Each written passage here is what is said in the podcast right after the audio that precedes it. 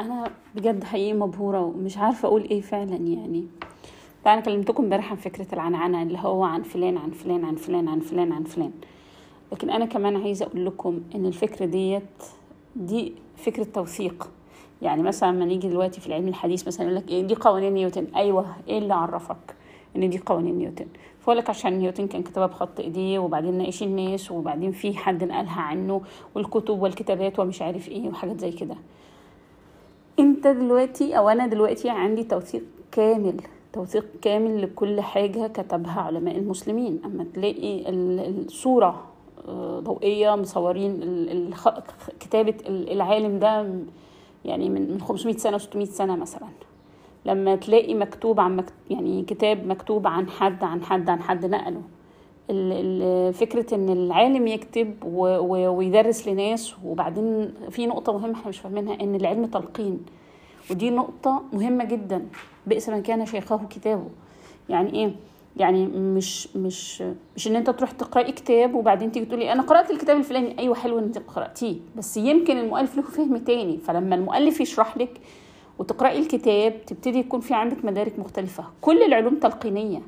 يعني في الطب مثلا ما ينفعش أروح أجيب مثلا آه، مقررات سنة أولى آه، طب وبعدين أقعد أقرأها وأقول كده أنا خلاص بقيت شاطرة في سنة أولى طب هروح أمتحن وأنجح. لا لازم يبقى في عملي وفي دكتور بيشرح وبندخل على اليوتيوب بنسمع ونشوف هو كان بيقصد إيه بالحتة ديت وليه الإشارة ديت وليه مش الإشارة ديت ونبتدي نفهم. فلما الأشخاص بتقعد تلقن بعضها وتقعد تتكلم مع بعضها والشيخ يقعد يعلم ناس والعالم يقعد يعلم ناس تحت إيديه فكده العلم بينتقل فعليا بشكل بشكله الصحيح اللي هو تلقين وكتابة وقراءة ومراجعة. فده مهم جدا. ف يعني كنت الأول عمالة بقول إيه إيه موضوع أصلا أنا هنقل عن فلان عن فلان عن فلان والناس بقى كل شوية في ناس ساخره جدا من فكرة العنعنة. أنا أدركت قيمتها وخصوصا لما نكون بنشتغل في شركات وعندنا دوكيومنتيشن أو توثيق مثلا ل 30 سنة فاتت وخصوصا مثلا الشركات اللي بقى لها 130 سنة. 130 سنة شغالة مثلا شركات كبيرة جدا 130 سنة عندها دوكيومنتيشن أثري. تقول لك آدي الورقة أهوت وإحنا يعني في حلقة كده لأحمد الشقيري راح لشركة من الشركات كانت بتتعامل مع ناس في اسكندرية جايبين المخطوطات وجايبين الكتابات اللي كانوا بيكتبوها والمعاملات اللي كانت بتترسل والعقود اللي كانت بتتمضي. يقول لك آه ده بجد ده حقيقي. ما شكناش ليه؟ لأن مش هم لوحدهم اللي عندهم أوراق زي ديت. مش هم لوحدهم اللي حصل عندهم دوت لكن كل ما الشركة عدد سنينها بيزيد كل ما بيبقى عندها أوراق قديمة بتحتفظ بيها ما بتحرقهاش ما بتعدمهاش وبيتنقل من شخص لشخص لشخص. يعني هي إزاي هي من 130 سنة عرفت المعلومة ديت؟ لأنها اتنقلت كابر عن كابر جد عن جد. يعني اتنقلت من باباها ليها وباباها جده أبوه نقلوا ليها والجد نقله هكذا. فلازم نفهم القصة. طبعا أنا عايزة أقول لكم إن أنا اتعلمت حاجات جديدة جدا جدا جدا جدا جدا. أرجوكم اتعلموا فقه. عالم فعلا سحر وجمال بجد. كل تفصيلة بتختلف كل الحكم بيختلف. آه في حاجات عامة. يعني في حاجات عامة اللي هو لا يسعى المسلم جهلها إنه لازم المسلم يكون عارفها. زي مثلا لما بنيجي نصلي الظهر أربع ركعات لما بنيجي نقف مثلا في الصلاة إيه شكل الوقفة العامة إيه الدنيا بتبقى إزاي. مثلا حد جه يصلي وهو قاعد إمتى ممكن يصلي وهو قاعد وهو واقف؟ فانت وانت معدي في المسجد حد مثلا لقيت حد بيصلي وهو قاعد فانت مثلا لقيته شاب صغير مثلا فانت مثلا عايز تنصحه أو تقول له كذا أو عايزة تنصحيها مثلا تقول لها كذا. ففي أمور عامة آه دي تقدري مش هقول تفتي فيها هنا ما بتفتيش فيها هنا أنت بتنقلي علم. يعني مثلا بتقول والله أنا سمعت إن الشيخ بيقول كذا بلاش كذا. تمام؟ أو مثلا آه، حد ماشيه مثلا آه، قلع شعرها مثلا يعني قلع الحجاب مثلا. بتقول لها لا الحجاب ده معلوم من الدين بالضرورة لازم يبقى في حجاب مثلا.